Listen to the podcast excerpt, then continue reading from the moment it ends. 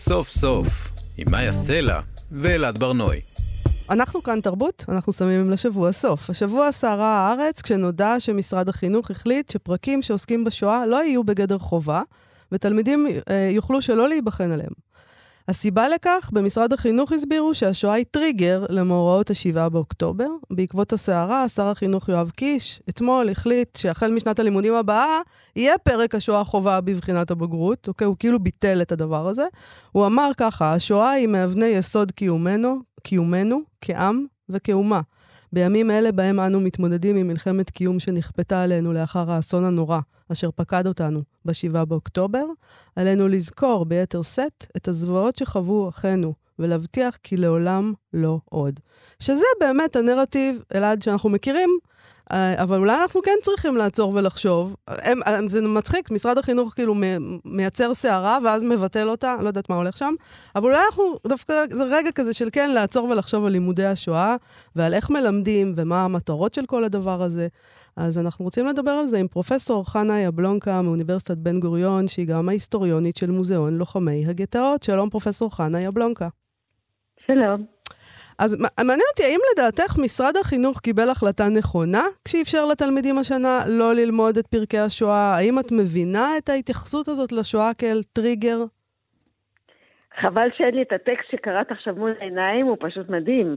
אז קודם כל, אני לא, כבר לא מבינה מה הוחלט ומה הוחלט שלא יוחלט.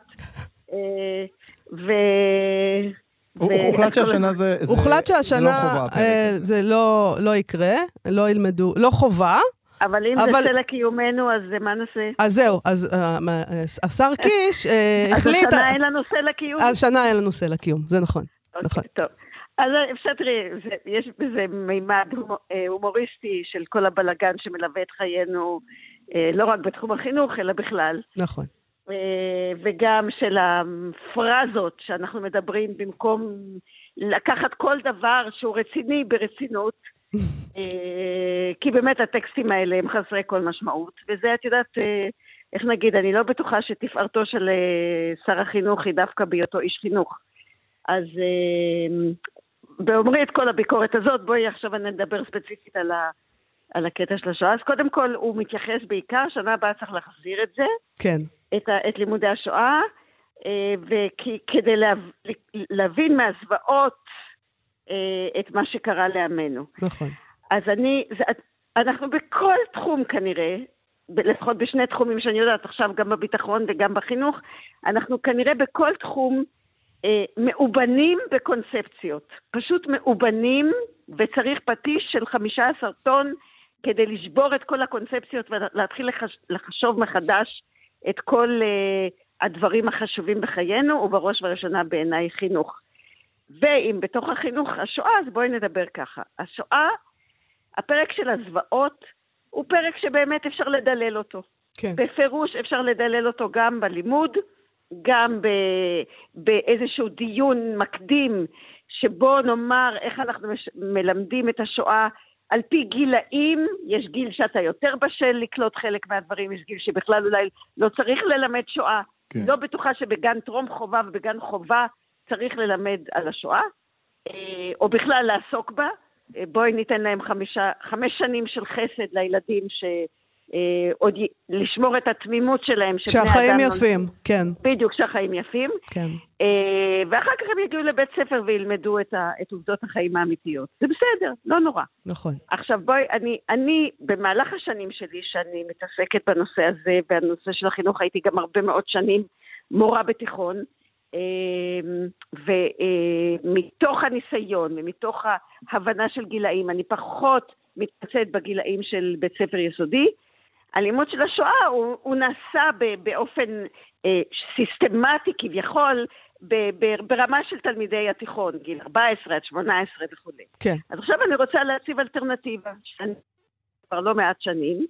אה, צריך לומר אה, שלא לזכותי, תוך התעלמות מוחלטת של הממסד החינוכי, אבל אני חושבת שיש בה מידה מסוימת של להתחיל להציע חומר למחשבה. אז אם שנה הבאה הנושא הזה חוזר למערכת החינוך, אה, והנושא הזה הוא בפירוש, הוא לא סלע קיומנו, להפך, הוא יותר סלע חורבננו, אבל אה, הוא בפירוש אחד האירועים היותר בולטים בתולדות עם ישראל לדורותיו, אם לא ה... אז אני רוצה להציע אלטרנטיבה. האלטרנטיבה שלי היא לקחת את האירוע הזה וקודם כל להחליט מתי הוא מתחיל ומתי הוא נגמר. זאת אומרת, דיון רציני בתוך מערכת החינוך.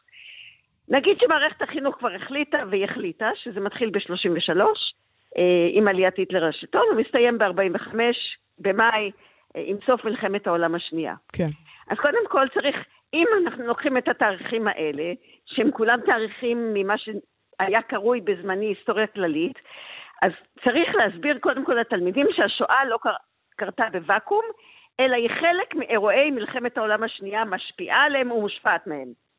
אז זה הדבר הראשון. דבר שני, אני בפירוש חושבת שיש בעיה קשה בלהתחיל את הדיון בינואר 33 עם עלייתו של היטלר לשלטון, כי היטלר לא עולה לשלטון אה, מבלי שקדם לזה משהו.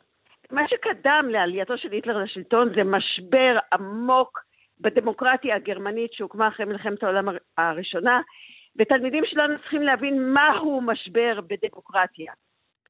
צריכים להבין מה צריך לעשות כדי לנסות לאתר את האורות האדומים שמהבהבים מולנו כשדמוקרטיה במשבר, ואם זה באמת חשוב לנו להיות בני חורין עם כל מה שדמוקרטיה כורכת בתוכה, אז כדאי להבין מתי דמוקרטיה נחרבת, ובין היתר היא נחרבת כאשר אין מספיק אנשים שחשוב להם שהיא תמשיך להתקיים. והסיפור הזה של מ-1918 עד 33 הוא בסוף התהליך שהוביל לעלייתו של היטלר לשלטון עם ארבע מערכות בחירות שהתקיימו כמעט מדי שנה משנת 1928 עד סוף 32. למה כל הזמן התקיימו בחירות? מה קרה שם? למה לא הוקמה ממשלה? מה, הייתה, מה היו זרעי החורבן של הדמוקרטיה הזאת? דמוקרטיה היא יקרה מדי בשביל לא ללמוד עליה, ואם ללמוד, אז ללמוד מהאירוע הכי קיצוני שהוליד את חורבנה. כלומר, את, אה, פרופסור יבלונקה, את, את מבקשת שלא נתמקד רק אה, בזוועות ובתיאורים שכל כך מרתיעים, אלא גם בתנאים שאפשרו את הדבר הזה, כשאם אני מבין אותך נכון, את גם, את, את אומרת, אנחנו צריכים לשים לב שהתנאים האלה יכולים להתאפשר גם אצלנו כאן. כל מה שקרה בשואה יכול להתאפשר בכל מקום. ברגע שזה קרה פעם אחת באנושות, זה יכול לחזור לעצמם. זאת אומרת, השואה היא בראש ובראשונה אור של אזהרה לכולנו ולכולם על פני כדור הארץ. זה דבר שהוא ברור מאליו וצריך לומר אותו. היא לא איזה אירוע מיסטי, היא קרתה פה, לא חיות אדם ולא סיפורים, אלא בני אדם עשו את זה לבני אדם, ומרגע שזה קרה פעם אחת, אה, שלוש נקודות. אה, עכשיו, מ- מלבד זאת, זאת אומרת, היסטוריה היא לעולם תהליכית, היא לא קורית במפץ. אה, והתהליך הראשון הוא התהליך של חורבן הדמוקרטיה, חשוב ביותר.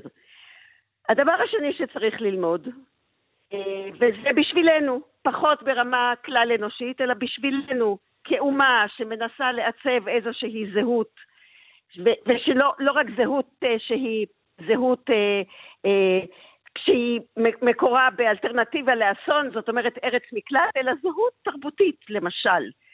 עכשיו, בתוך הזהות התרבותית הזאת, רוב יהדות העולם ב-1939 הייתה יהדות אירופה.